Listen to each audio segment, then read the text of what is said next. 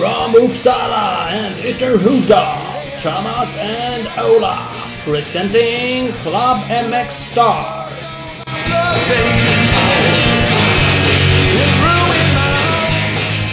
Jo men hej, det är dags igen. Yes. Ett nytt avsnitt, Club MX Star Podcast. Ja. Jag har nästan på räkningen. Hur många är det? 47 47. är det här. Håll i er. Mm.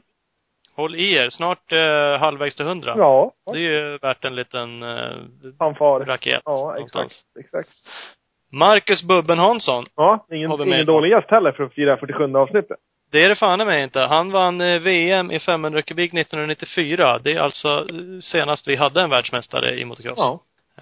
Alldeles för länge sedan är det ju. Eh, Det tar ju dock inte bort credden från att han faktiskt eh, tog hem VM. Att han gjorde det oavsett mig. Nej, absolut. Och Eh, det var inte bara cakewalk att göra det heller. Det var ju allt möjligt dramatik det där året.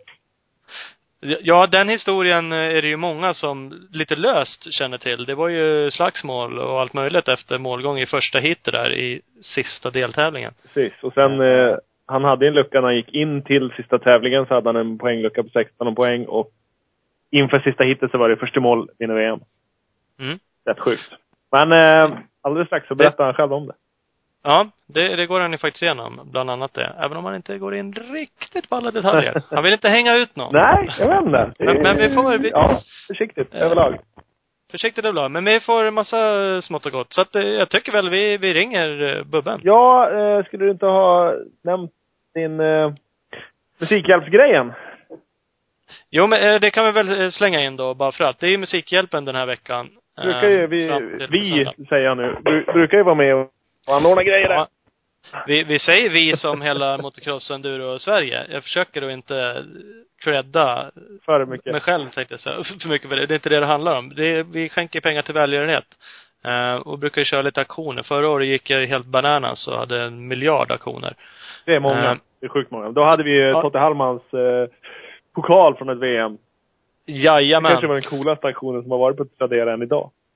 Den var ju svincool. Nu kommer jag faktiskt inte ihåg på rak hur mycket den drog in allting. Det var ju 30 000 den satt totalt tror jag. Det var mycket pengar. Alltså inte bara den, men totalt. eh, själva Musikhjälpen Motocross, som jag så fint kallar det. Yes. Skit i det. I år blir det inte lika stort. Men det finns två aktioner ute nu. Natalie Keynes, ett nytt dekalkit, signat av henne. Till en Honda. Hon vann SM-guld i år till en Honda. Eh, vi har Jesper Jönssons lag-VM-tröja, signad. Han vann SM-guld i år. På. Eh, de två finns uppe. Mm. Kanske, kanske dyker upp någon fin aktion om någon Marcus Bubben Hansson-pryl. Det vet vi inte än. Men gå in och kolla. Tradera.com och mxstar.se och Facebook finns vi på. Torells MX som presenterar det här avsnittet finns ju på Instagram. Precis. Eh, Häng på där. MXstar finns på Instagram. Eh, lägg till oss på sociala medier. Twitter finns vi på. Ja, Eh, det, det skrivs och kommer ut grejer på alla möjliga olika kanaler. exakt. Eh, Försök hinna med om ni kan. Eh, vi blir glada. Eh, gilla, dela, sprid vidare, hjälp oss nå ut. Eh, ring och säg att ni vill kasta pengar på oss om ni har för mycket. Typ så. Men mest vill vi ha cred bara, ryggdunkningar, att vi är så jävla bra. Ja, för då kanske vi håller på längre. Ju, ju större risk att vi når hundra då. Om alla tycker att vi är roliga och, och, och gör något vettigt. Lite så är det faktiskt. fan vad duktiga vi är, Ola. ja, faktiskt. Jag håller med. Ja. Kör. Nu ringer vi Marcus. Ja. Ja. Ja, Marcus. ja, hej Marcus. Ja, tjena. Tjena. Tjena, tjena. Det är Thomas och eh, Ola här. Tjena. Ja, hallå, hallå. Så, så vi är två mot en. Det är två mot en, ja. Ja, det låter, Ja. det låter bra. Härligt. Är allt Ja, bra?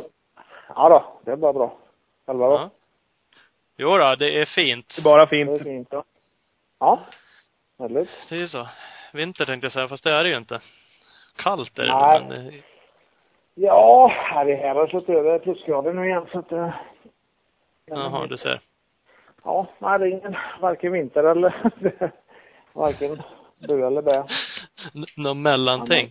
Va- Ja, det är Bor du något nere i, i Borås? Borås, ja. Jajamän. Ja. Ja. Du ser, du ser.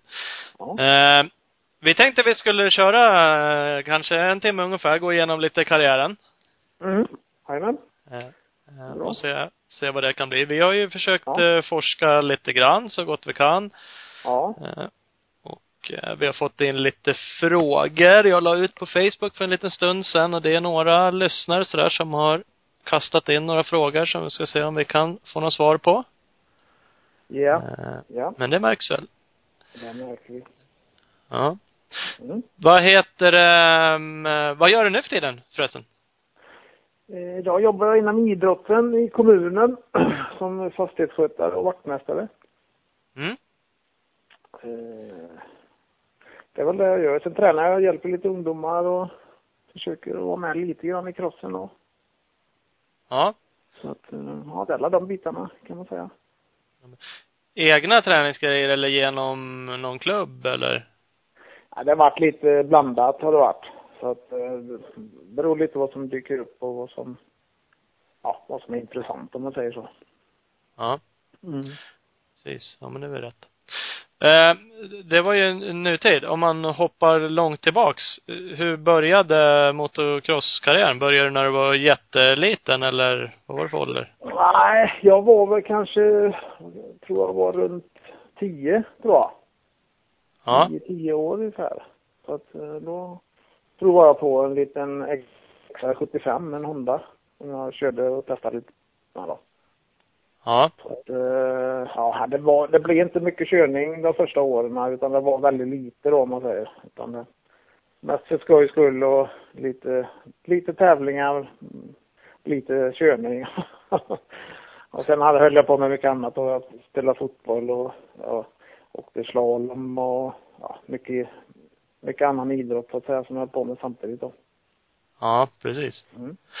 Hade ni det i familjen? Hade du föräldrar, någon pappa som åkte hoj också eller hur? Nej, nej. Han har inte... Han, det är lite grann har han åkt, men inte mycket. Men han, han har haft ett stort intresse då inom motorcykelsporten om man säger så.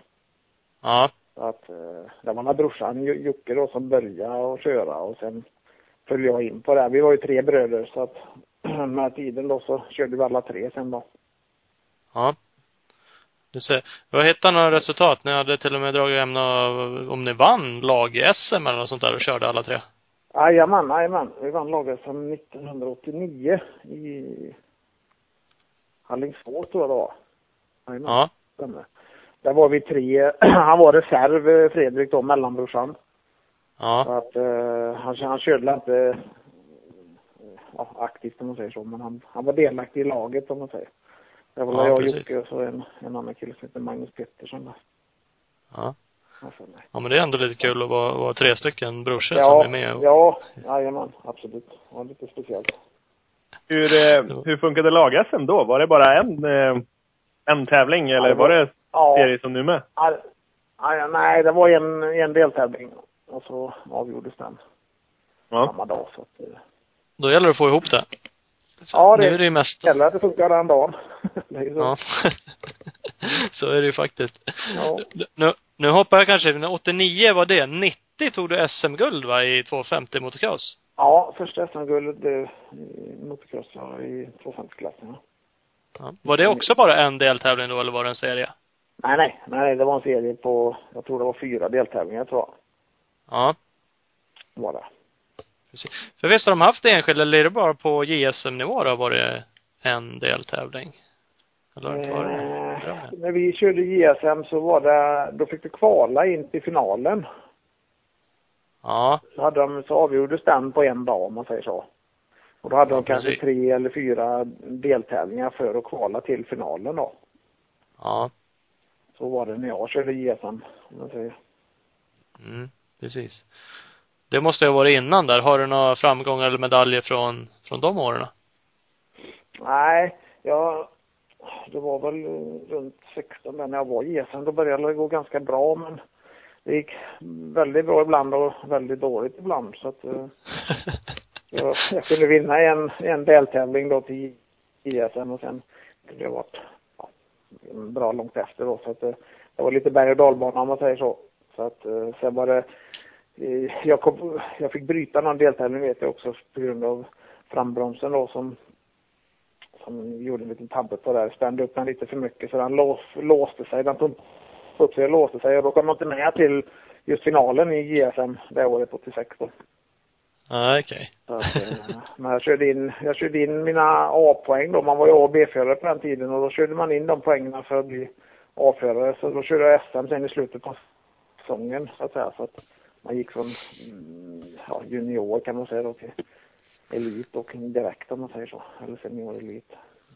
Ja, precis. Jag var A och B-förare istället då. Ja, det var ett annat system då. Jag har aldrig kört när det var det där. Jag får ju känslan av att det var ett bra system. Har du någon åsikt Ja, om det nej, ja, ja, men det var bra absolut. Eh, Man var tvungen att köra in 25 poäng då.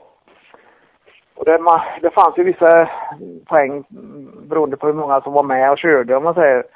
Fick du vissa poäng på etta, första plats, andra plats, tredje plats. Och jag kommer inte ihåg hur långt ner det gick men det gjorde då att man samlade ihop 25 poäng och sen fick, kunde du klassa upp till A-förare om du ville då. Det var, det var nog inget måste tror jag inte utan du var tvungen att skicka in papperna på det. Mm. Så Att, eh, men då Kunde du- tog kunde 25 du ner- poäng och... Vad sa du? Kunde du bli nerklassad med från A till B-förare om du inte... Nej, jag tror inte du kunde det. Inte på den tiden kunde du inte det, utan var du åkare så var du åkare. Då var det klart. Det Då var man lyckats. jag, jag hade för mig att det var så. Sen, Ja. Det kom nog längre fram sen att man kunde göra så. Okej. Ja. Att, eh, hade du väl blivit åkare så var du åkare liksom. Men jag tror, jag tror det ändrades senare sen. Mm. Mm. Ja, men det är så. Men, men om man säger från 90 där, då känns det som att det lossnade lite då, då, om inte annat. Då tog du SM-guld i motocross. Har du fler SM-guld i solo och motocross? Var det liksom just motocross? Eller är det det enda? Ja, nej jag har tre. Tre SM i solo. Och så har jag tre eh, SM i supercross och så ett SM i lag-SM då. Ja, Så sju, precis. sju SM-guld totalt. Och Det är blir ju inte- 90, 90, 92, 94 var mina eh, solo-SM om man säger. Ja, Och, och okej. 90 var 250-klassen och sen slogs det ihop. Så att 250 och 500 körde ihop 92 och sen var det, jag tror även, ja, 250 500 ihop även 94. Ja, men, ja. Ja, men då har du ju hunnit med en hel del. Alltså det måste det ju vara ligga i hyfsad Ja. topp i Sverige. Av de som har tagit SM-medaljer. Ja, jag ligger väl med ganska så hyfsat så det gör jag. Eller inte i toppen helt men eh, jag är väl hyfsat med. Om man räknar på det. Det, det där med supercross är ju lite sådär kul. Eh, Vi pratade lite om det, jag och Ola sådär, för det har vi ju inte alls i Sverige idag. Men det känns ju som det var rätt hett kring Ja, det var liksom. det. Det var det. Åt 80-talet där så blir det mycket, det var både speedcross och supercross som kom rätt så mycket på 80-talet då. Ja. Slutet på 80-talet och sen var det mycket supercross bara på, på 90-talet där då. Början på 90 i alla fall. Så att eh, det var lite kul. Det var ju tre, var tre eller fyra deltävlingar i supercross då. Så många gånger var det på banor som var uppbyggda i, i en stad om man säger så som inte var, fanns inga permanenta banor utan de var ju uppbyggda för just den deltävlingen då. ja Okej, det var så. Det var, ja, det var jävligt skoj faktiskt. Sen hade vi Det- kan jag tänka mig. prispengar. Fanns ju också i den vevan de ihop med de här tävlingarna. Så att, och de kunde ju till exempel vara på en, en onsdag eller en tisdag kväll om man säger så. Så att, eh, det var mycket lite annorlunda än vad det är idag då. Ja, det känns som nästan har försvunnit helt, som sagt. För att ett tag, för inte, ja, för inte så jättemånga år sedan, då var det lite fler speedcross-tävlingar. Det kunde också vara lite Ja. prispengar i. Körde någon kväll och Ja. sådär. Det där verkar ju ha dött Jajamän. nästan helt. Ja, ja det är märkligt. Det är väldigt märkligt. Supercrossen tror jag försvann lite grann på grund av lite skador då som blev så att eh, då försvann det ut lite grann då. Så att det var, det var inte många som anmälde sig kom till de tävlingarna på slutet vet jag. Nej. att, eh, men det var mer i, ja, kanske var mer i mitten på 90-talet eller kanske ännu senare så, så blev det lite, lite down där. Mm. Men i början var det mycket folk och många som körde och tyckte det var skoj att vara med. Var mycket publik också då? Ja, faktiskt. Jag tror vi hade nog 3000 eh, cirka på de tävlingar vi hade i Borås då. Vi hade, en bana som låg där. Den låg permanent och jag, jag fick åka och träna där när jag ville. Men ingen annan, om man säger så. Utan det var, det var, den låg inte, den, den låg där jag jobbade då. Det är ett idrottsområde då.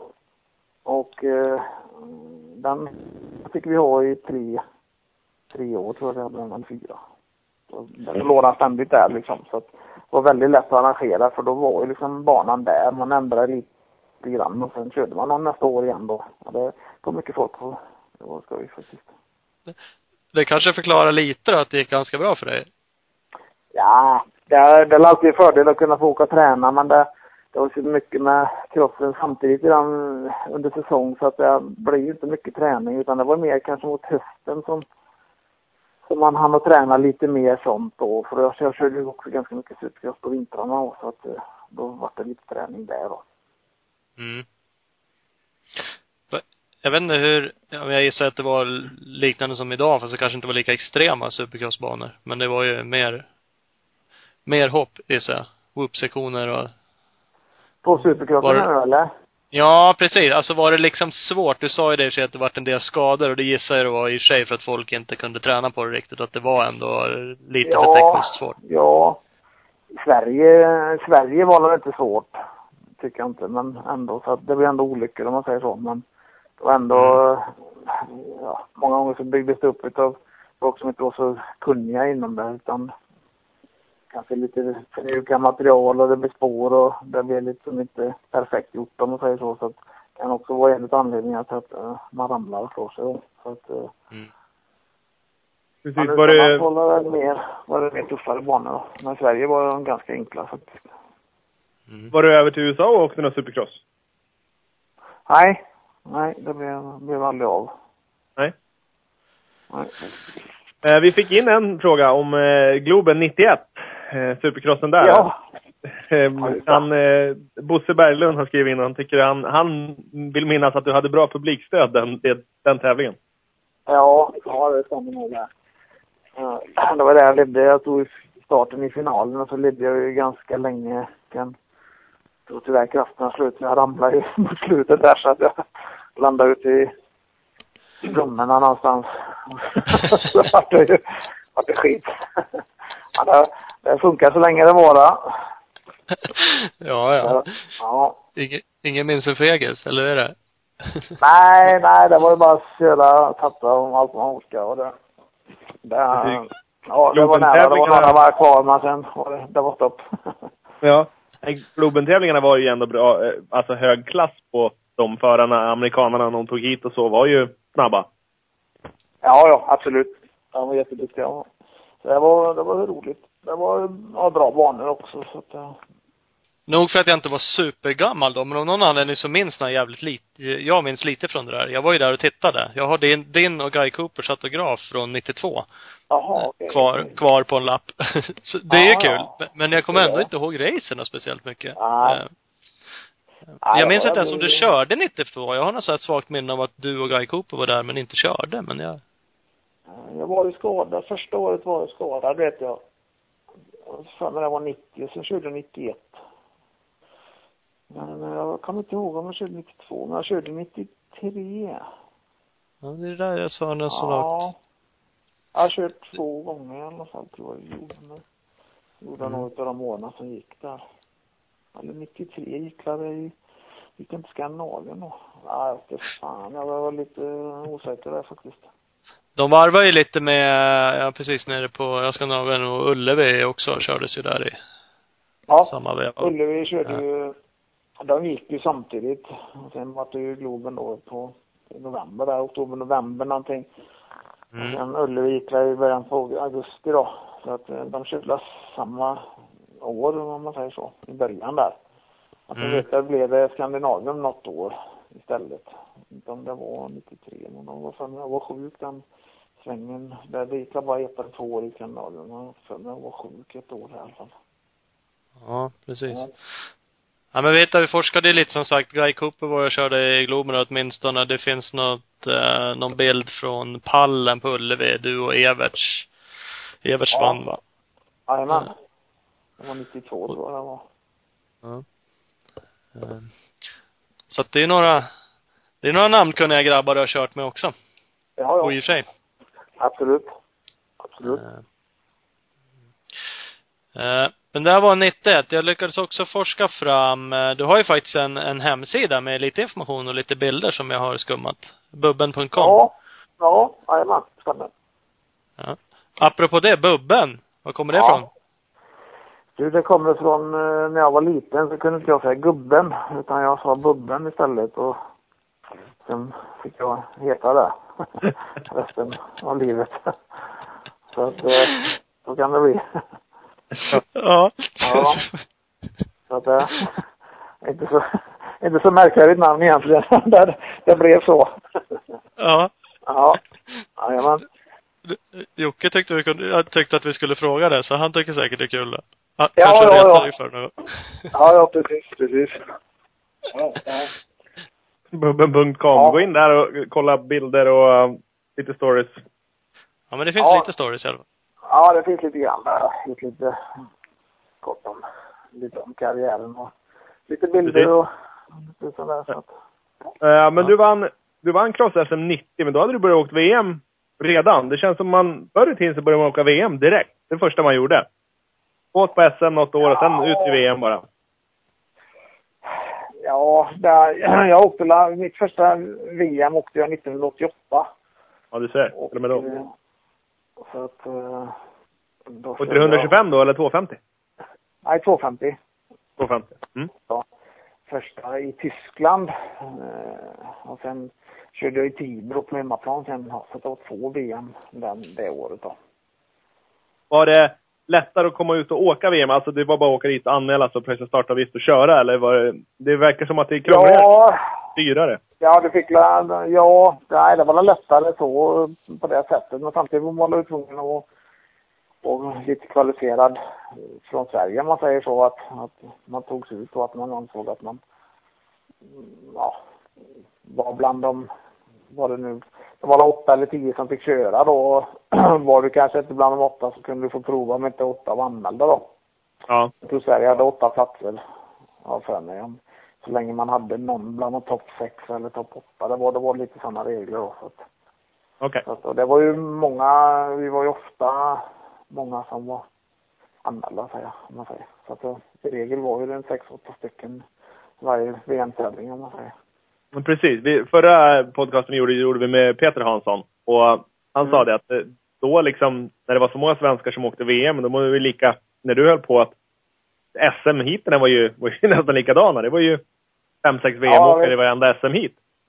Jajamän, jajamän. Och det var ju kanske ännu mer då på mm, slutet på 80 då. För det var- var ju Peter och de med med och drog. Så att det, det var ju topp tre. kunde ju vara liksom topp fem i VM om man säger så. så att, det- Precis. Det måste ju göra en jäkla skillnad på tempot jämfört med Ja. nu, till exempel.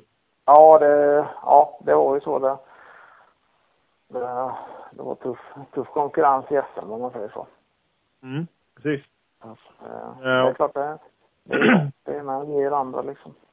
Precis, precis. Men sen till 90 och 91 där, hade du börjat fått någon hjälp ute och åka VM eller körde du privat mycket hela tiden? Privat, eh, jag åkte privat via, via importören om man säger så. Fick jag hjälp då. Så. Mm. Sponsorer som, som jag sökte upp själv då och försökte få till något samarbete med och sen så ut och kör så mycket som möjligt. Mm. Var, det, var det mest så det såg ut? Niklas Börjesson har frågat hur det såg ut med team och styrningar i VM på den där tiden. Om det var stora team som hade förare eller om det var att man eh, Nej, de hade körde mer privat fabrik- med bra stöd. Ja, fabriksteamen, eh, fabrik, fabriksteamen hade sina förare så att de, de var ju med liksom. Men sen var det många då som hade hjälp ifrån importörerna då och kunde liksom ha möjlighet att, att vara med och köra. Ja, även de då fast kanske inte med likadan hjälp om man säger så men Nej. det var ju många, det blir många fler som var med och kunde, kunde vara med och köra om man säger så. precis. Precis. Mm. Nej, det var så skillnad. Ja, det kan man ju tänka sig. 92 vann du ett VM hit. Namur, Belgien. Var det första Jajamän. VM? Var det då, då det liksom lossnade mer i VM då kan man säga eller? Ja, jag, jag gick faktiskt ganska bra i VM även 90 där så var jag ju ganska med. Hade nog femte placering i Lommel tror jag. På en deltävling där och sen var, hade jag en 8, 9, 10, 11 placeringar sådär. Så det var ganska bra. Sen 91 så skadade jag mig i början på året så att då fick jag operera min axel, eh, det var ligament i axeln som gick av då i början på säsongen där. Det var på ett träningsläger med Kawasaki och Håkan Karlqvist som höll i det och då ramlade och slog mig och så det av då så att jag fick hem och operera mig och så var jag bara borta i två månader då så att tappade jag lite grann det året då så att eh, sen kom jag tillbaka 92 igen då. Ja, precis. Vart han sur, Karlqvist? nej, nej, nej, nej, sur, nej, nej, det blir man ju inte. Man ramlar och slår sig utan det. Han vill ha, han vill ha om du inte ger allt kan man säga. så kan man ja. säga. Det, det, det, finns ju en, en och annan eh, Karlqvist historia på förare som har varit iväg och tränat med honom och haft honom som coach och. Ja, jo då. Det han spelar på. Det är länge. Ja. Det är länge. Men det funkar? Ja, ja det var han. Är, nej, han är jätteduktig han. Han är jätteduktig han. Inget snack om det. Så att, Alltså, han är ju driven så och pushar och tycker att det ska kämpas och slitas så att ja, det, ja. det är ju inget, inget fel i det egentligen så att det, han är väldigt duktig på speciellt att lära ut på hårda banor och hur man, hur man kör, hur man kör där och eh, även, eh, även fjädring var han jätteduktig på. Mm. Och så eh, även ställa in motorn Eh, Eh, förgasare och avgasrör och, och sådana bitar som gör att det, att man får det att stämma liksom hela vägen då. Så det, sånt var han jätteduktig på. Ja, det, det trodde man inte riktigt om han, eh, vad man har hört då, så var han väldigt fin lirare i, i de lägena man säger. Man trodde mer att han var lite mer burdus och lite så, ja, det, han, han är väldigt duktig igen samtidigt som han är eh, hård och tuff om man säger så. Ja man, man tänker sig lite som, som du säger att han bara var en sån som köttade liksom. Körde bara på råstyrka ja. och ilska. Ja, lite så har man ju fått den uppfattningen då. Men det, så, sån är han inte fullt ut om man säger så. Eller bara den. Utan han är, han är finlirare i samma veva om man säger så. Som är duktig på, på många bitar. Ja. Så, det var lite... Hur är du själv då vad det gäller sånt? Är du känslig på på inställningar? Ja, ja, ja, jo, alla är ganska känslig så. Det, man blir ju känsligare ju mer man åker och ju duktigare du blir desto mer, mer känner du om man säger. Så att i takt med att du blir bättre desto mer känsla får du för grejerna men du även upptäcker ju lättare saker också då. Mm. Men det får inte, får inte gå till överdrift utan det, det, det får vara till en viss gräns och sen är det bra då. Mm. Det är lätt att det är lätt att hålla på för mycket om man säger så också. Utan det, det är ändå körningen som, som gäller i sista änden då. Mm. Ja, visst är det så. Eh, 92 där tillbaks, då vann du eh, ett hit i VM, eh, Namur, Belgien. 250 var det då va? Mm, nej, detta var 500. Jag gick upp till 500-klassen där eh, ja, i slutet på 91 kan man säga. Så började jag köra 92 då i 500. Mm. Och det var full, full VM-säsong i, i 500-klassen 92 där ja. Jajamän. Ja, precis. Jag läste någonstans att Namur var en eh, favoritbana, stämmer det?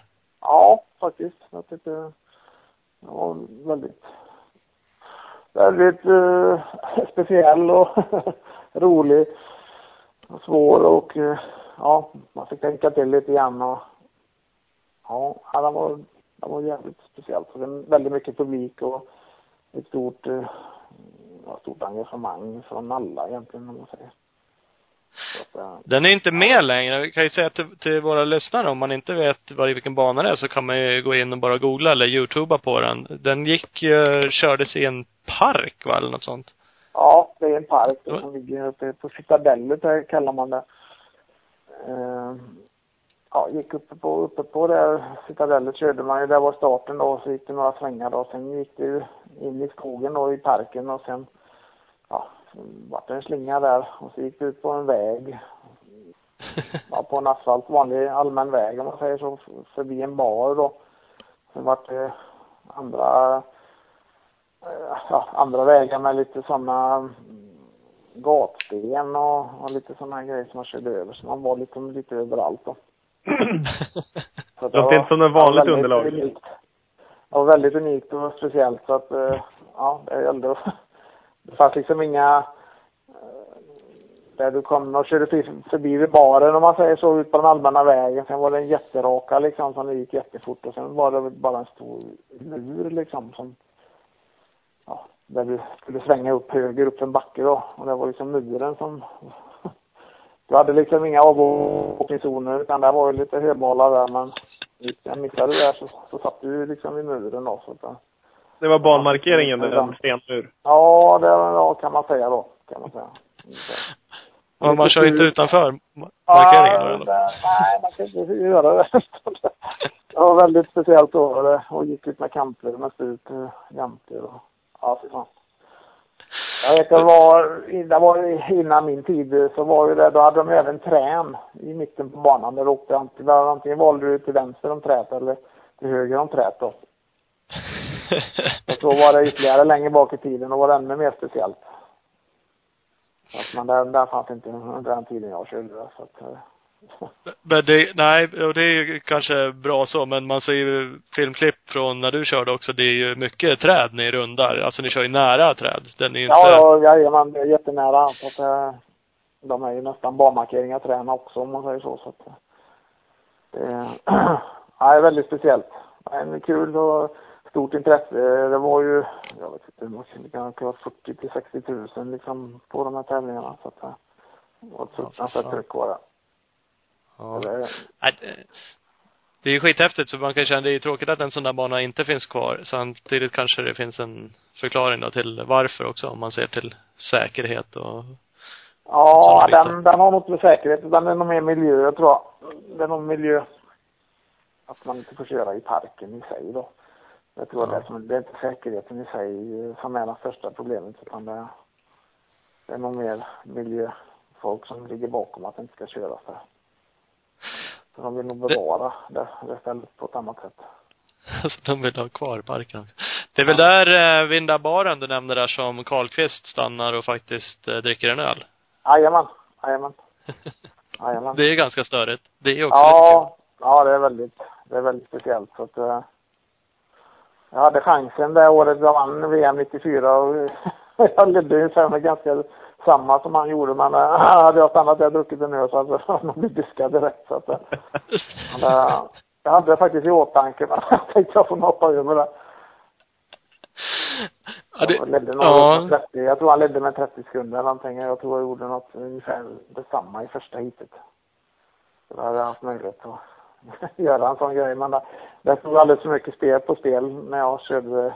Det, det, han, han hade inte riktigt med tätpositionen att göra, Han, i det läget när han stannade och gjorde så. Utan det var folk, folk tyckte det bara var en bra grej och rolig grej när han gjorde det. Så det var nog ingen som tog upp det. Men jag,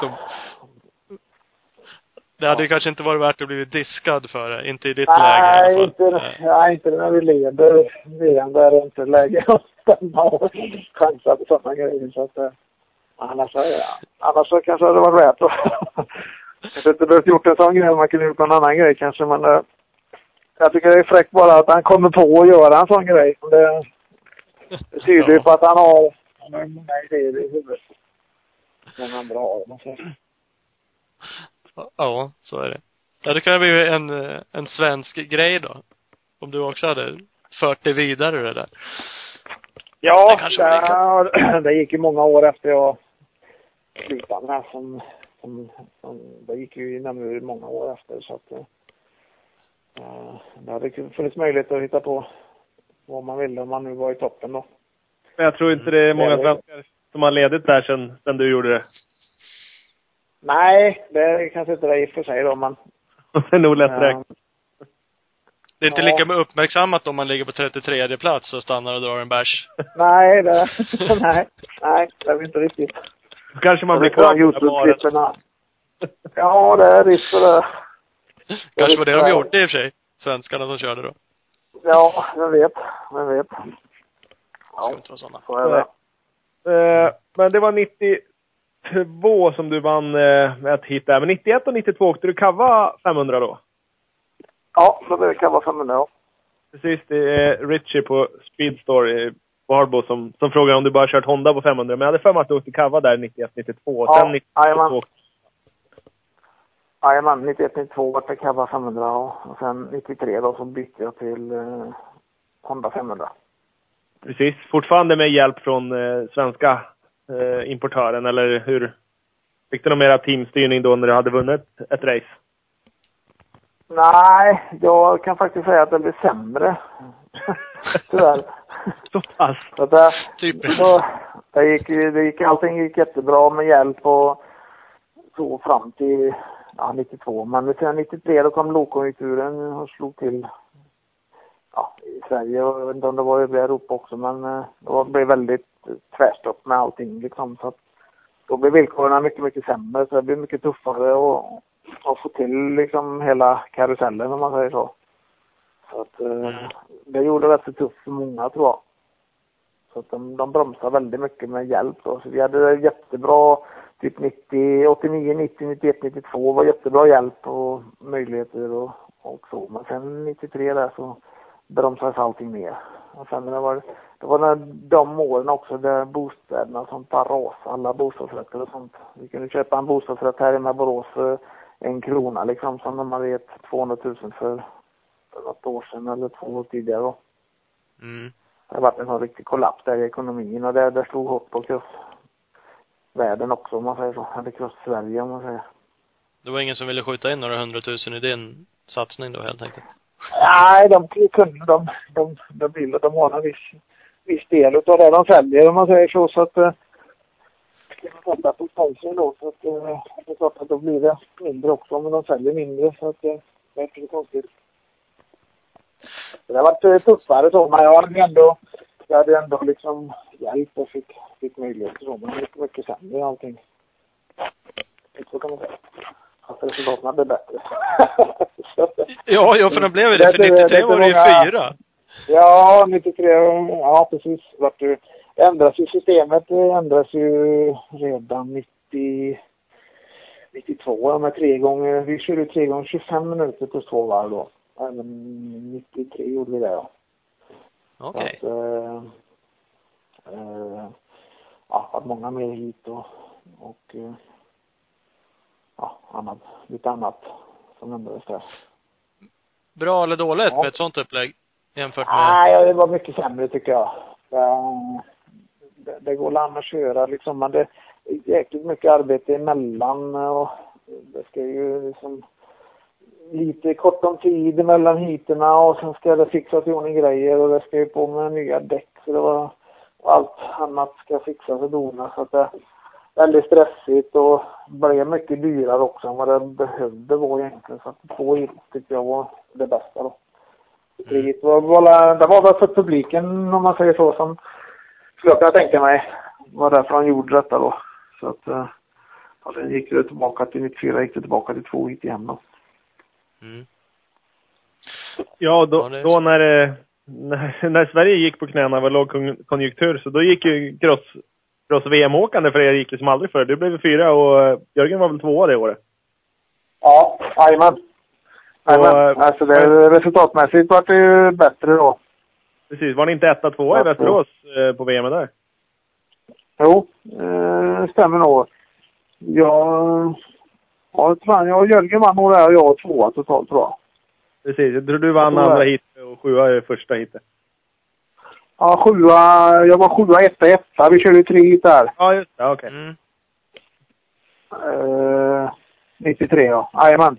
Så sjua, etta, etta var, sen var nog Jörgen, ja han var, han var inte sjua, han var bättre i första där så typ, han var nog jämnare, tvåa, trea typ hela tiden där. Ja. Kanske vann något hit med. Han vann nog första. Jag kanske kolla, första, det gjorde han inte. Ja. Det, Ja. det måste vara lite känsla att vara etta, tvåa på Sverige-VM. Ja, ja faktiskt. Faktiskt. Nej, det var skoj. Det, det var lite roligt. Det- 94 var det ju ingen deltävling i Sverige. Så att det var Nej. eller i alla fall som jag körde i Sverige. Ja, ja precis. Eh, Henrik Johansson frågar, hur gjorde och tänkte du för att bli världsmästare? Det var väl till 94 sen som du Gjorde, tänkte du något annorlunda? Gjorde du, gjorde du något annat inför den säsongen när det liksom, när det blev av? Eh, det jag gjorde var att försöka hålla mig hel och frisk. Och sen eh, målet var liksom att eh, ta sig i mål eh, hela tiden på bra placeringar då. Och kanske inte ta de här jättechansningarna utan vara stabil under hela året då. och Försöka hålla mig hel och frisk som sagt var. Så att eh, det var liksom det som var grunden för att det gick så bra. Mm, precis. Jag, jag kollade lite. Du vann, eh, du vann i Irland, du vann i Frankrike, eh, Luxemburg och Belgien. Ja, jajamän. Jag var väldigt stabil eh, hela året kan man säga då. Varit lite, kanske lite knackigare i början där men eh, ändå så höll mig ganska så jämn hela året om man säger. Mm. Eh, en grej som jag tänkt på när för jag, jag såg någon bild från Luxemburg. Det verkar vara riktigt, riktigt hård bana där. Och nu för tiden så, så ja, gnälls det nästan ibland på att svenska crossbanor inte håller måttet jämfört med internationella. Men det känns som svenska crossbanor har sett ut som, ser ut som de alltid har gjort. Och, och förut så hann ni ju med ut i VM. Liksom, vad, var, vad var skillnaden? Var det för att ni åkte mera VM eller vad, vad beror det på? Ja, det beror på, det beror på att man åkte mycket internationellt och på de speciella banorna mycket mer då. Tror jag. Ja. Att det har med det att göra. Så att, eh, Ja. jag, åkte ju, jag åkte ju väldigt mycket franska internationella tävlingar som var, fanns på den tiden då. Mm. Mm. Och där lärde jag mig väldigt mycket och fick den rutinen på just sådana svåra banor. Och det, Precis. hade jag inte eh, gjort det så hade jag aldrig lyckats vinna liksom. Det hade aldrig funkat.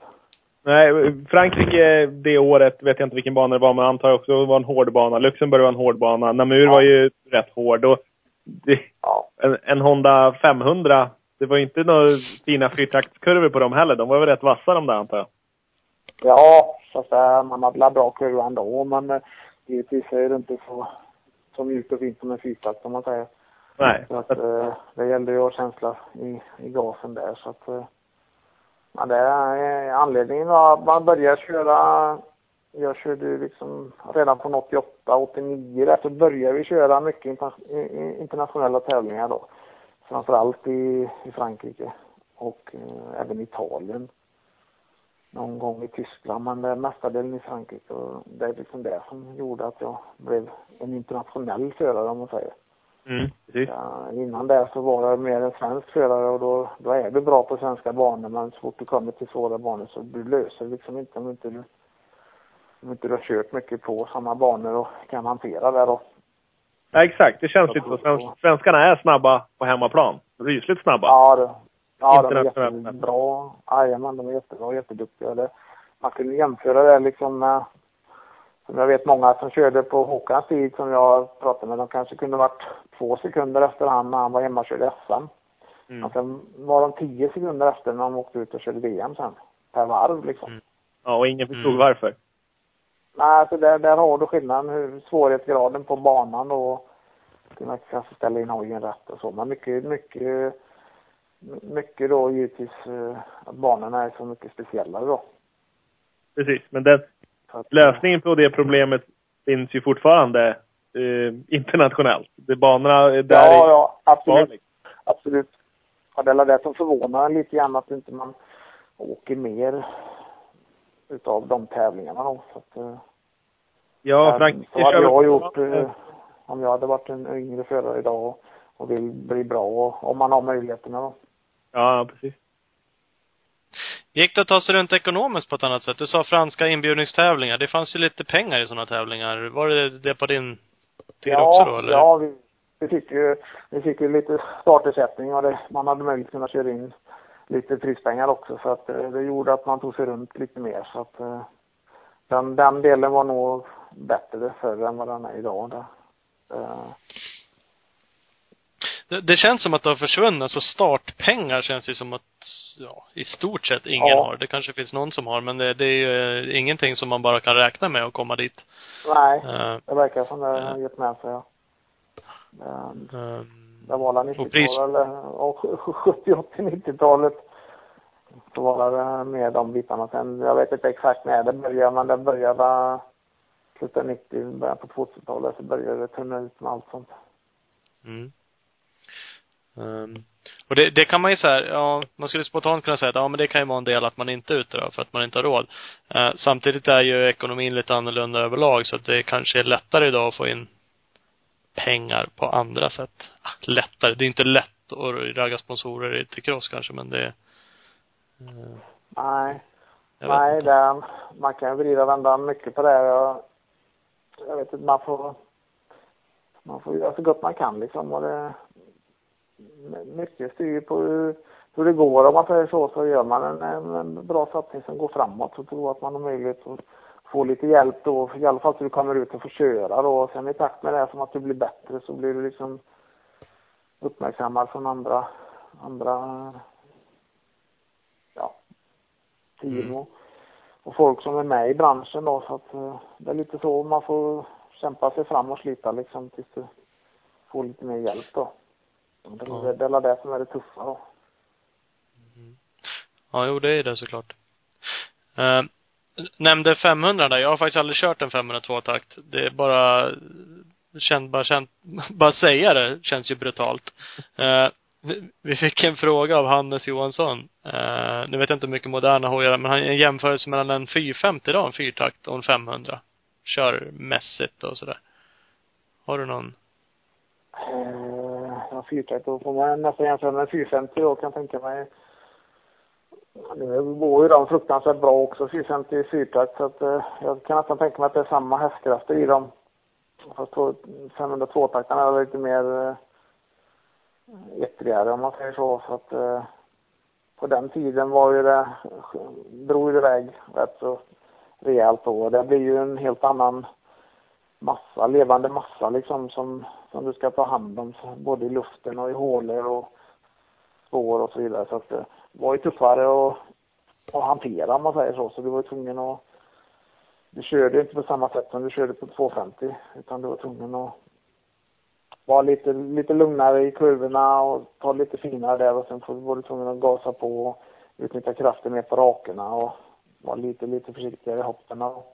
Så att det är mycket, man fick ändra liksom körstil annars så låg du i och körde som en 250 på 500 så, så kom du inte långt liksom innan det gick åt skogen då. Man fick räta upp han så att han var rak ur kurvorna och sen gasa. ja, lite så. Det, det bar ju iväg mer rätt fram om man säger så. fyrtaktarna, 450 idag är ju fantastiskt fina också så att, men ändå, det, man kan inte jämföra riktigt tvåtakt med fyrtakt heller. Det är två helt olika saker. Ja. Var det 500-klassen som liksom var kungaklassen då? Gick det uppåt på det sättet då liksom att det var liksom nej, det man... Nej, nej, det var 250-klassen på den tiden som var, som var kungaklassen kan man säga.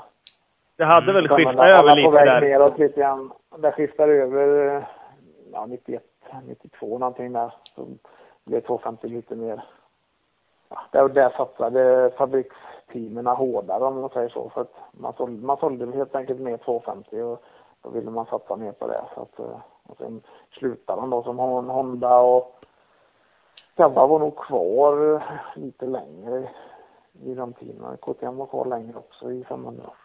Honda mm. slutade mm. 91 och sen med sina Ja, 90 slutade han med Gibors där med hans sista och sen fanns ju grejerna kvar som Chauvet åkte 91, 92.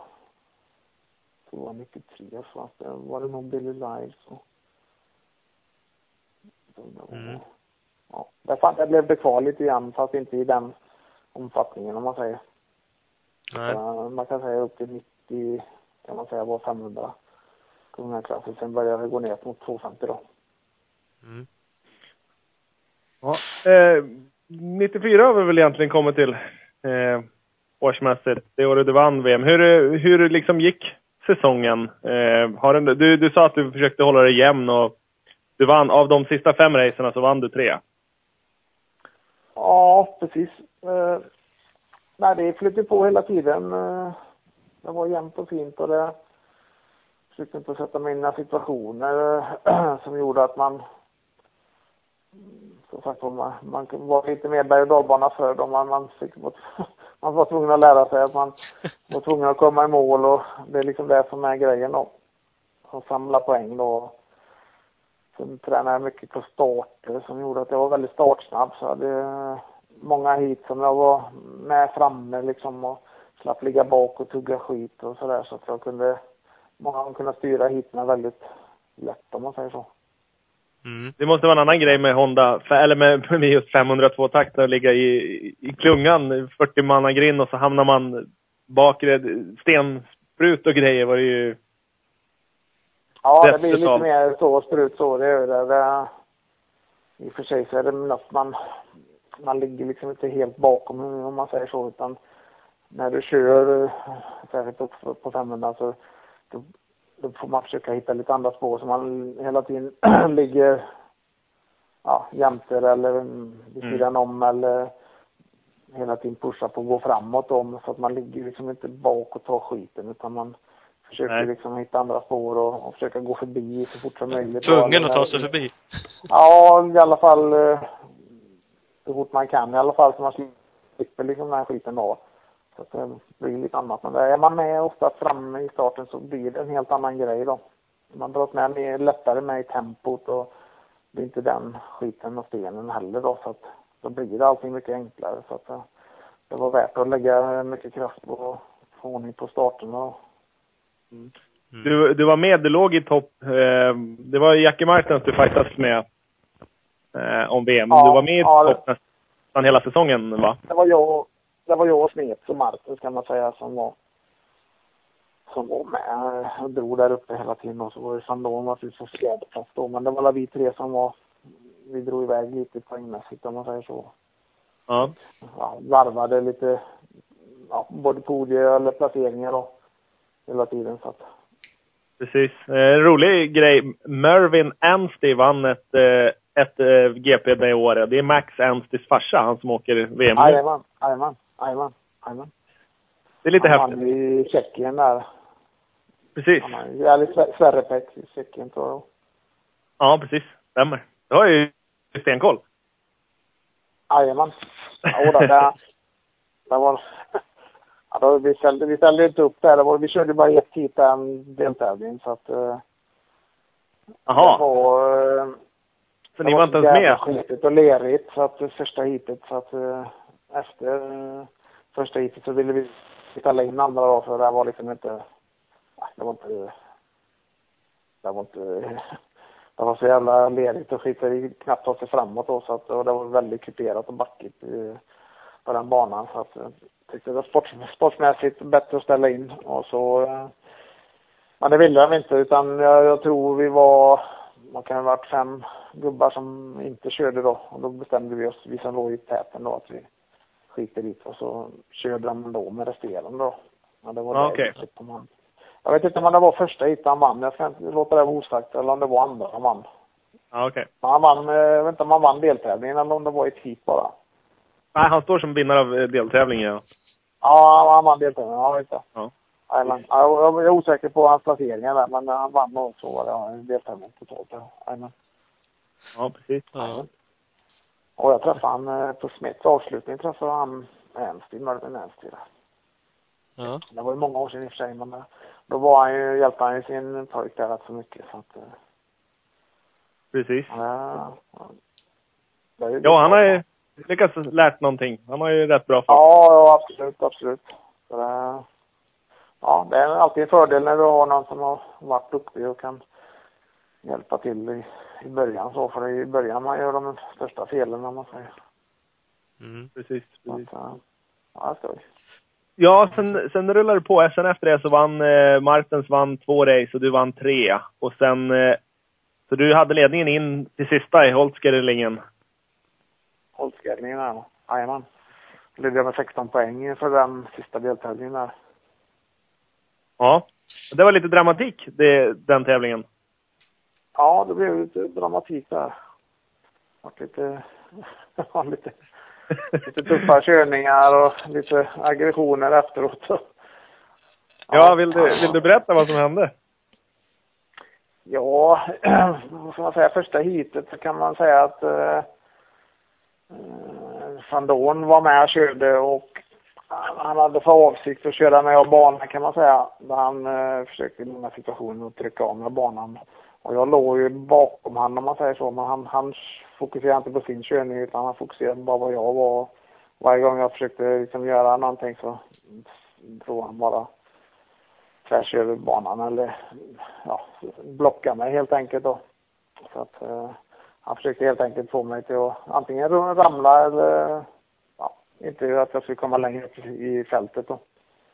Mm. Så, att, eh, så eh, när jag kommer förbi han till, till slut då. Och sen eh, nu ska vi se här. Och jag kom fram där, hur fan var det? Nej, jag ramlade några gånger. Jag vet inte fan om jag tog förbi men skitsamma. Men, eh, ja, jag blev i alla fall, eh, jag ramlade ju en gång där, gjorde också första heatet. På grund av honom där. eller ändå? Ja, det blir, man blir liksom eh, lite färgad och chockad om man säger så. Så att, ja, stressad och så att eh, tappade rytmen i körningen. Så att eh, jag ramlade väl på mitt eget fel om man säger så. så att, eh, Mm. han upp, upp igen och så vart det nog tolva där. Och så vart det lite, sen ville jag göra upp med han fan då, då efter målgång där och så då vart det lite fight där då. Var det första hitet? Detta är första hitet ja. Jajamän. Ja. Ja, sen vart det lite jury. Ja, vi fick till juryn och det var nära att jag skulle bli diskad och, och snack så. Men där, eh, där beslöt man då att jag fick fortsätta köra. Och eh, senare fick jag böter på 3000 schweizerfranc tror jag. Mm. Och eh, så körde vi andra heatet och då, eh, då vart jag före i starten och eh, ja, hade inget, inget problem med han utan jag förklarade för honom att, att inte han skulle hålla på med de bitarna som han gjorde så att eh, ja, sen ja, vart jag nog fyra i sista där så att det vart lite tajt. Vi, vi stod ju inför samma poäng, jag och Martins inför sista heatet då så att den som kom först i mål och det sista heatet, han vann liksom totalt då. Så det Ja. var lite tufft. jag var till före han, han eh, krånglade till det lite i starten vet jag, i svängen där så att han kom efter och sen körde han något fruktansvärt snabbt. Jag körde allt vad jag kunde men ändå så tog han ikapp mig ganska så snabbt så att han, eh, men sen kom han till bakhjulet på mig men sen tappade han nog efter det så att ja. Jag vann, eller jag kom fyra och han, jag vet inte om han blev, vad han blev, sexa, sjua kanske, åtta någonting. Ja. Ja, det är häftigt när man har kört 12 deltävlingar det året. Det avgörs i sista hit. Först i mål vinner VM. Ja, ja, jajamän. Det var lite extra, extra tufft för nerverna, vill jag säga. Men det, ja, det, är, det är kul efteråt. det är så. Ja men det är så man får se det. Peter Ja. Hansson berättat lite, han var jobbar för Svemo då va, så han satt ju med i domar, han var med i alla fall när det, Jajamän, jajamän, jajamän. eh, när, angående diskningen där, eh, Ja. och den situationen. Eh, och då kan man ju förstå att det var lite eh, svettigt, jag kan, kan ju tänka mig. Alltså för dig måste det ha varit helt, jag, jag på något sätt kan känna hur arg du var när det kom i mål. Och hur fortsatt Ja. arg du måste ha varit när det liksom kanske ska bli diskad och det måste ju ha varit någon extrem känsla. Ja, nej det är ingen lätt känsla utan det, men samtidigt var jag tvungen att markera då att gjorde jag kanske på fel sätt men eh, man måste ja, ändå- men man måste, Vad fan? ja det, det är så så att det syns liksom inte så att eh, då tänkte jag ska det vara så här så kan jag lika väl, då kan jag lika väl förlora då. då. Då vet alla ändå vad som, vad det berodde på om man säger så men eh, Precis. Jag hade ju bevis. Jag hade ju folk som har stått och filmat. Så att eh, jag erbjöd ju juryn att titta på, på den på de filmerna och göra ett beslut efter det. Men de var inte intresserade av det. Utan det. Men ni åkte Honda bägge två? Både du och... Ja, jajamän. Han åkte för Tyskland. Försvarets Honda åkte han ju för. Och jag åkte ju för holländskt team som heter van der Heijden. och- Ja.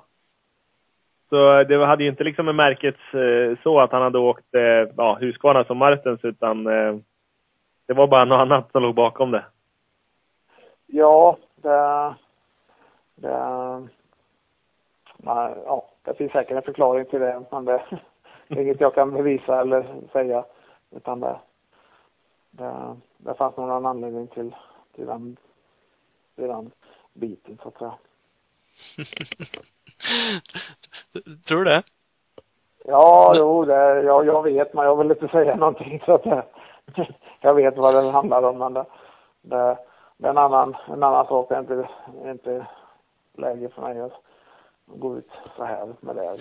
Nej, nej, okej. det, Alltså, VM är ändå VM. Jag har ingen aning. Jag försökte hitta någonting om den här historien. Det här har man ju hört talas om. Eh, Det är Mm. liksom en, en, en händelse som, som folk känner till. Eh, Mm. Och jag hittar inte någon information om det. Jag minns något filmklipp att det ska finnas, men jag hittar ingenting. Eh, nej, det På finns efter målgång. Det ska finnas filmklipp på det. Jag, jag har nog själv inte den filmen, men det finns ett filmklipp då när Ja, jag tror en engelsk mot X, mot X Vision eller någonting tror jag det hette. De har ju, de filmar ju mycket och hade mycket klipp på den biten. Så att eh, det finns ju det någonstans. Någonstans. Även När jag, när jag rycker ihop med Sandon där så finns det också.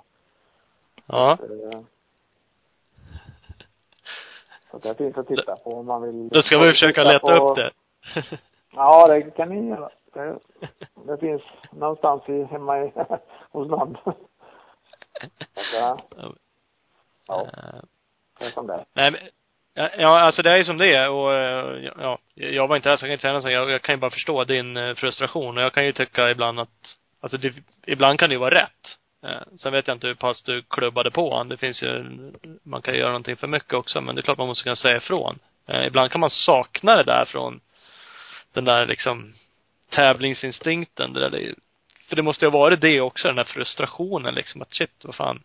Ja, jo, det blir så. Det blir så. Sen var, sen var det liksom, man var tvungen att, som jag kände var jag tvungen att göra någonting radikalt också för att annars hade han fortsatt i andra heatet också. Och då hade inte jag liksom kunnat ha liksom en ärlig chans att köra om liksom guldet utan då hade jag fått brottas med han hela tiden då. Så att det var ju Ja. man var tvungen att visa att det här är fel det du gör utan lugna ner dig. Ja, men då gjorde du ju ett bra in, ett, bra intryck, eller skrämmande intryck. Ja, han, han är rädd för mig fortfarande än idag kan jag säga. Så att, eh, han, han kör aldrig, han kör nog aldrig fram hjulet någon mer gång. Där tror jag inte. Men då vet han vad som händer. Ja, precis. ja, det är lite så. Jag har ingen respekt om man inte gör något tillbaka heller. Så att, eh, det, man, Nej. får inte, man får inte vara för mesig utan det, det kanske inte alltid bra det jag gjorde men det, det är sånt som blir i skrivens hetta. Så att, eh, Ja, och, och det blev ju faktiskt världsmästare och det var inte så att du ledde med 16 poäng inför. Du hade ju ändå, ja, du var ju på väg mot världsmästartiteln. Och du ja, tog den det var ganska, målet var ju även där att ta sig i mål på inom topp tre där och köra säkert och så göra det klart liksom. Men det, då blev det inte så utan det vart det lite annat. Lite annat ja. Det, Ja. det var ju annars ett ganska bra år 94. Världsmästare, nordisk mästare supercross, SM-guld. Eh, Mm. Får kommer man lov att säga jag att minns, eh, Jag, jag körde aldrig, jag var klar mästare efter tre SM-tävlingar där vet jag. Så körde jag aldrig sista. Eh, Sen tror jag gick i skenen den tävlingen. Då körde jag i Frankrike istället på en tävling där så att eh, mm. var Eh, för att Det är ju det är mycket race onekligen. Vi fick eh, en fråga också hur en träningsvecka såg ut då 94. Eh, det var intressant liksom hur mycket du tränar men jag, du åker ju mycket tävlingar. Så att, eh, Ja. det Jag åkte mycket träning så man kan inte, det beror lite, man har ju mer träningstimmar under vinter och vår om man säger så. Och sen drar man ner på det lite grann under säsongen om man säger. Så, så, så körde jag i alla fall så att eh, det är svårt att säga. Det, den ena veckan såg inte likadan ut utan jag försökte fokusera på att VM-tävlingarna var, det var mina riktiga tävlingar så att SM-tävlingar tror jag la in som ett schema som träning. Som tror jag som träning då. Så att eh, då var jag nedtränad när jag körde SM-tävlingarna då för att vila upp mig sen och, och, och eh, vara så, så bra fit som möjligt för VM-tävlingen. Mm. Så att eh, mitt schema var liksom fokus på VM-tävlingarna och så de andra tävlingarna blev en del i träningen då fastän det var tävling om man säger så. Att, eh, ja, men det, det blir ju, ja. det svarar ju på en annan fråga från Rickard där, hur du gjorde och tänkte för att bli världsmästare. Och uppenbarligen hade du ju ett ganska bra fokus på det. Att det var liksom, det var VM som var målet. Ja, precis. Ja. Det, det blir ju så. Man får ju välja. Man kan inte, det är svårt att vara jätteduktig i all, alla, alla serier om man säger så. Man kör ju mycket liksom och körde även mycket internationella tävlingar även det året så att uh, det är svårt att vara hundraprocentig och vara superduktig i alla tävlingar utan man får fokusera på vissa som som är liksom ett, som man går in för lite hårdare om man säger så. Så att de andra tävlingarna får man ta lite mer som, som träning då. Mm. Så, att, så, så, så fokuserar jag på det.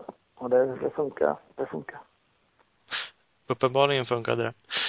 Hur såg det ut framöver sen? Jag gissar att du ville matcha upp igen till, till 95 och vara med och köra fler, ta fem fler VM. Eh, ja, då skadade du dig. Ja, ja jag, jag beslöt mig för att gå ner till 250-klassen och försöka att göra mig gällande även där då, så att eh, det var något som jag kände att jag Alltså det var ändå lite i kungaklassen då och då kände jag att det måste vara nästa steg liksom i min karriär och försöka slå mig fram där då så att eh, jag gick ner till 250 där och sen i supercross-tävling i Tyskland så jag tror januari och där ramlade slog mig då och eh, varit borta ett helt år kan man säga. Så kom man inte mm. tillbaka det året utan då var det helt, helt nattsvart första året där. Ja. Sen var Vad för typ av skada och råkade du ut för?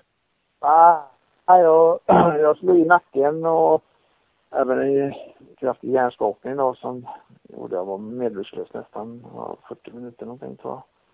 Oh, fy. det var en rejäl eh, smäll där så att eh, ja så att jag tog lång tid innan jag, jag återhämtade mig. Det tog nästan ett år där så att eh, jag gjorde också lite fel när jag kom tillbaka. Jag försökte komma tillbaka lite för tidigt om man säger så. Så att jag fick baksmällar och, och liksom, ja, det inte riktigt eh, det perfekta, eh, vad ska jag säga, åter, ja, det var inte det bästa upplägget så komma tillbaka om man säger så. Utan det var, väl, man ville väl in lite snabbare än vad man var, var, var frisk för om man säger så. så att, ja. Det är en press från så många andra så det blir, det blir väldigt dumt och många som ryckte och slitit igen. Så att, det var svårt att säga nej också i något läge där men det, det gjorde i alla fall att det tog väldigt lång tid.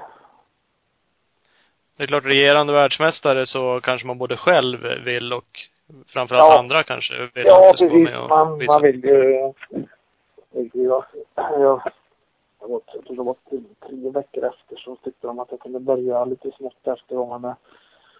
Så var vi ute så körde vi trail. Jag var med i belgiska teamet med Chauvet där och åkte upp på en kulle där. Jag skulle börja lite lätt då. Mm, var ute och körde en sväng där så upp på en kulle så stod det, en stolpe var förankrad med en kätting ner i, i berget och eh, det blåste så pass mycket så den eh, den blåste ner och slog mig i, i huvudet då. Så att jag, bröt, jag bröt näsan och fick ytterligare en hjärnskakning där. Så att... Eh, Flyt. Med, medvind då? Ja, det var det motflyt där så att eh, ja. ja. Det var inte riktigt inte riktigt mitt år om man säger så. Nej. Ja. Men sen provade du igen 96? Ja, då blev det bättre att prova 96 då. Och då beslutade du att gå hem 125? Ja, då fick jag ett, ett kontrakt där. Vart, vart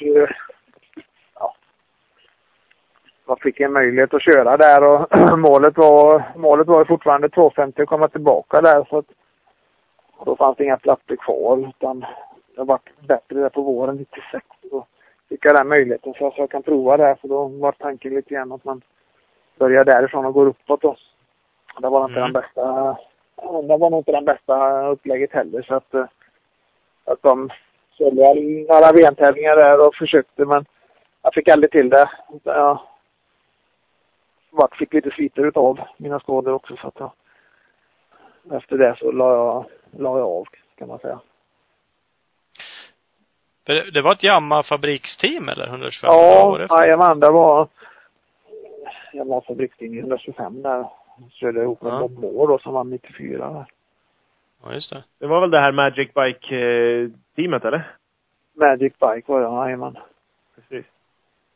Så det var bra material i alla fall. Ja. Hojarna gick ju som Ja, såld, vill jag minnas. Ja, de, ja, det gick fantastiskt bra. Jag fick inte, fick inte riktigt den hjälpen i början om att den såg dem att jag kunde kvala in och vara med lite grann och Okej. så fick jag värsta, värsta grejerna efter ett tag där och då- det gick ju fantastiskt bra. Ändå var jag ju en av de större killarna i, i 125-klassen så att min vikt var, och det var ju, jag vägde väl kanske 10, 15, 20 kilo mer än de flesta och ändå kunde jag hänga på liksom.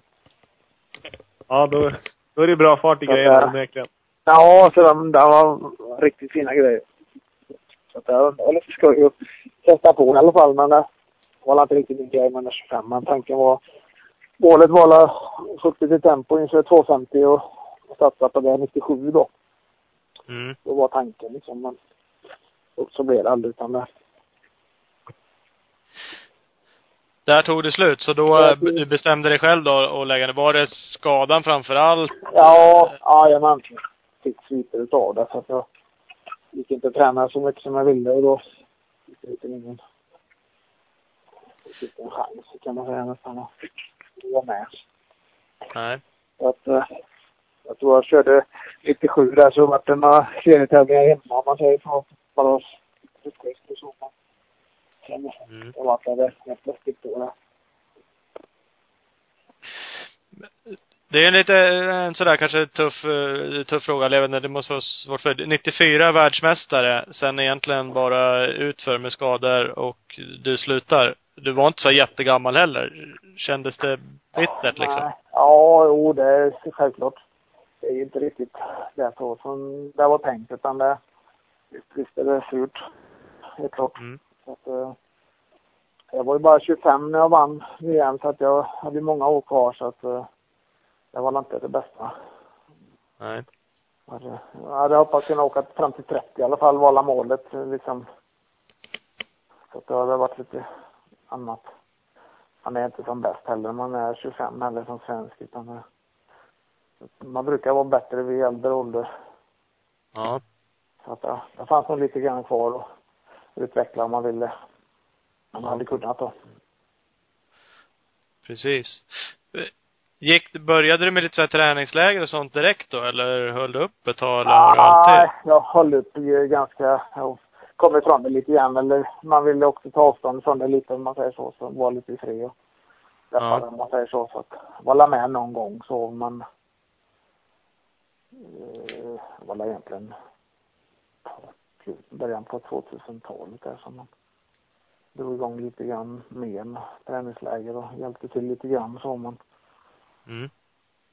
Sen var det mer vid 2007, 2008 någonting där. Då, nej, 2005.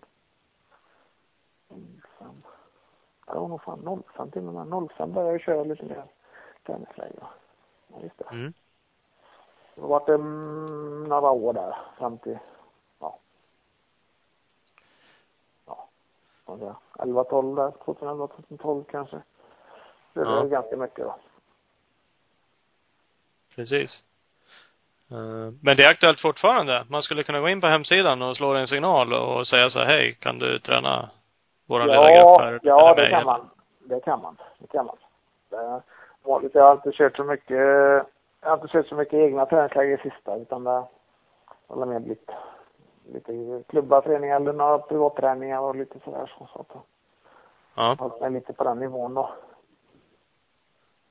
precis. Så att, eh, vi får se lite vad som händer framåt här. Jag har haft mycket, jag har köpt ett hus här i årsskiftet så att jag haft ganska mycket med det att göra, renovera och hållit på så att jag tidsmässigt så har inte haft riktigt den tiden och,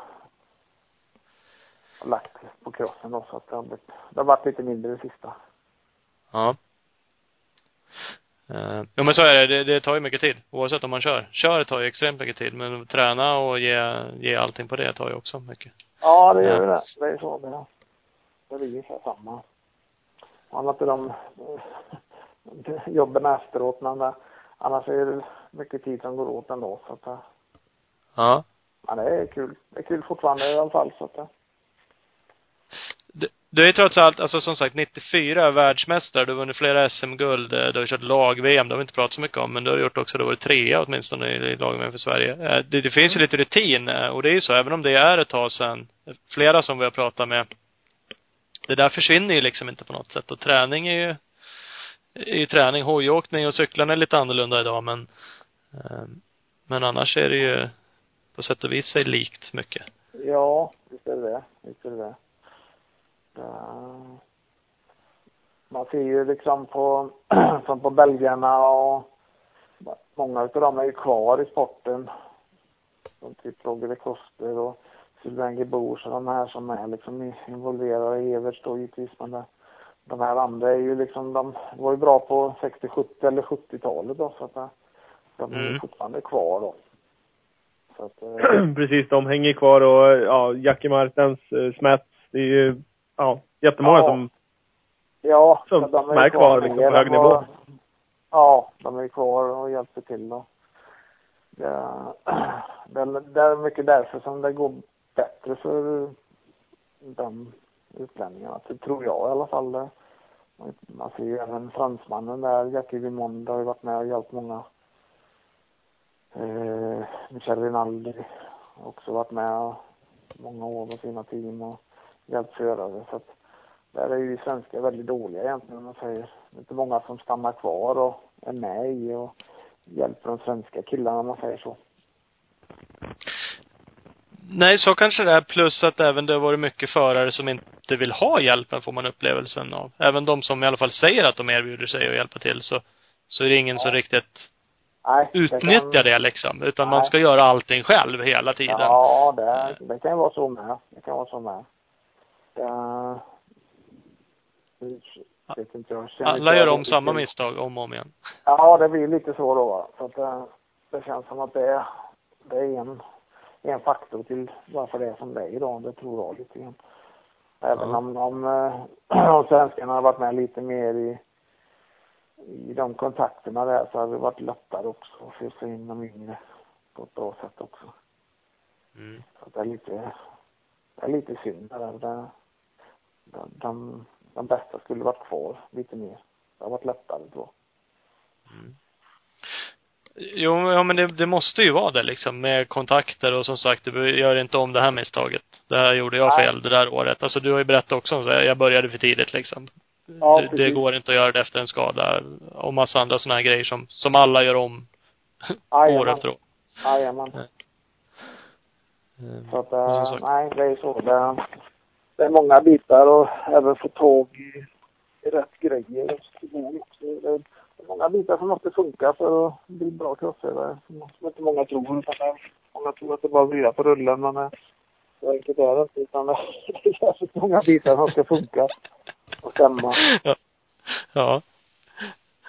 Att, Ja, det är Ja, inget snack om. Som sagt, 94, det börjar bli några år sedan och du är ju faktiskt våran eh, senaste världsmästare i motocross. Eh, Ja, eh, och det är ju i och för sig jävligt stort, men det hade ju varit kul om det hade varit några efter dig som hade klämt till med några topplaceringar och, och helst Ja, några guld. absolut. Absolut. Så att, eh, än Ja. är det inte för sent. Vi får se vad som händer. ja, precis. Nej, men så är det Ja. Det ska nog komma. Då kanske det blir en spin-off, så då får vi tillbaks det där när ni är på pallen. Flera svenskar och, Ja, ja. Det hade varit lite kul faktiskt. Mm. Det är många år sedan nu så att det det är dags att det händer något. Mm. Ja, jo men det är det ju faktiskt. Eh, ja. Kul, det var roligt att prata med dig. Det har blivit en stund Ja. nu. Eh, det, tack, Ja. det tackar vi för. Ja, Eh, tack så hemskt mycket. Ja, tackar själv. Tackar själv. Eh, och vi får se om vi, om vi ses framöver, om du får styra upp någon då, så att de blir någon världsmästare igen. De får Ja. Bubben.com så. Ja, precis. Jajamän. Vi ser lite vad som händer. Ja, precis. Ja, men vi säger så. Så får du ha det bra. Jajamän. Ja, detsamma. Ja. Tack ska ni ha. Stort tack. Ja, hej hej. Hej. Ja, där har vi han alltså. Marcus Bubben Hansson. Yes, ytterligare ett sånt där porträtt av en eh, äldre åkare. Ja, Får det är han ju. Vad kom vi fram till? Någonstans 46 års åldern nu. Vad sa han att han var? 25 när han tog eh, VM-guld då? Precis, så han blir 46 44. nu då. Ehm, och som sagt, han är den svensk som nu senast vann VM. Ja. Ehm, det är ett tag sedan. Ja, Så absolut. det är väl ta med fan med dags igen. Ja. Eh, Men det är lätt att säga det. Ja, det är det ju. Spontant men, så eh, känns det inte som att kommer vara någon nästa år som gör. Nej, det, det, då jävlar. Och väldigt outsider. Ja, det hoppas ju såklart. Ja men det gör vi. Vi hoppas att det blir några som är ute och drar. Philly Bang lyser ju med sin frånvaro tänkte jag säga. Han vägrar ju berätta vad han ska göra. Ja, i alla fall skvallermässigt. Den jäveln. Han berättar ingenting. Så att, ja, nej, han, eh, han sjunker ju i aktierna. Ja, det gör han ju. Han ska vi inte prata med nu. Det är mycket rykten där. Jag vet inte om det är fem, sex olika märken och team som det figurerar rykten. TM var väl det sista. Fabriks-TM dök väl upp något häromdagen? Fabriks-TM hörde jag. Det, det, ja, jag vet inte vad, jag skulle lätt sätta mina pengar på det. Du skulle göra Ja, det? det tror jag. Det tror jag. Att det blir det? det? tror jag skulle gynna han. Jag tror det kommer bli det i slutändan. Ja. Fabriks-TM-åkare. Jag försöker ju fiska hos den där lilla filuren. Uh, han är ju sjukt hemlig. Han säger inte så mycket till mig heller. Nej. Uh, lät inte som att det kommer bli TM. Men som sagt, jag är övertygad om att han gärna blåser mig också och jävlas. Så att det, ja. det blir... eh, Ja, vi får se helt det- enkelt. Men eh, vi, vi avvaktar väl någon vecka till. Rätt vad det så måste du ploppa upp någonting. Ja, TM, Kava har jag hört, eh, Husky, från rätt tvärsäkra personer också som har Ja, sagt att det redan är klart. Både att Kava och Husky. klart, ja. Honda har varit ganska säkert också från sina håll. Succa vet jag har det surrat lite om. Ja. Som sagt, typ alla märken och team som existerar. Ungefär. Men det är kul med rykten. Det är jätteroligt. Jätteroligt. Vi har pratat om att vi ska göra en liten sån här silly season eh, avsnitt. Prata igenom lite vem som ska göra vad och, och när och så. Eh, Mm. Känns även som att vi skulle kunna återkomma nu kanske i mellandagarna om vi hinner få ihop någonting med ett, eh, ja, ett litet sånt avsnitt. Kanske prata lite eh, supercross-tippning om vi ska köra någon sån. Ja, Mm. vi får eh, prata ihop oss bara. Då kör vi nog ett, ett litet specialavsnitt. Kanske lite kortare än det här var, men eh, någonting. Precis. Det här blev ett mastigt avsnitt. Ja. Men det är Det är kul. mycket historia, mycket att prata om. Ja. Ja. Så vi, vi breakar väl här. Yes, tack, hej! Tack och hej.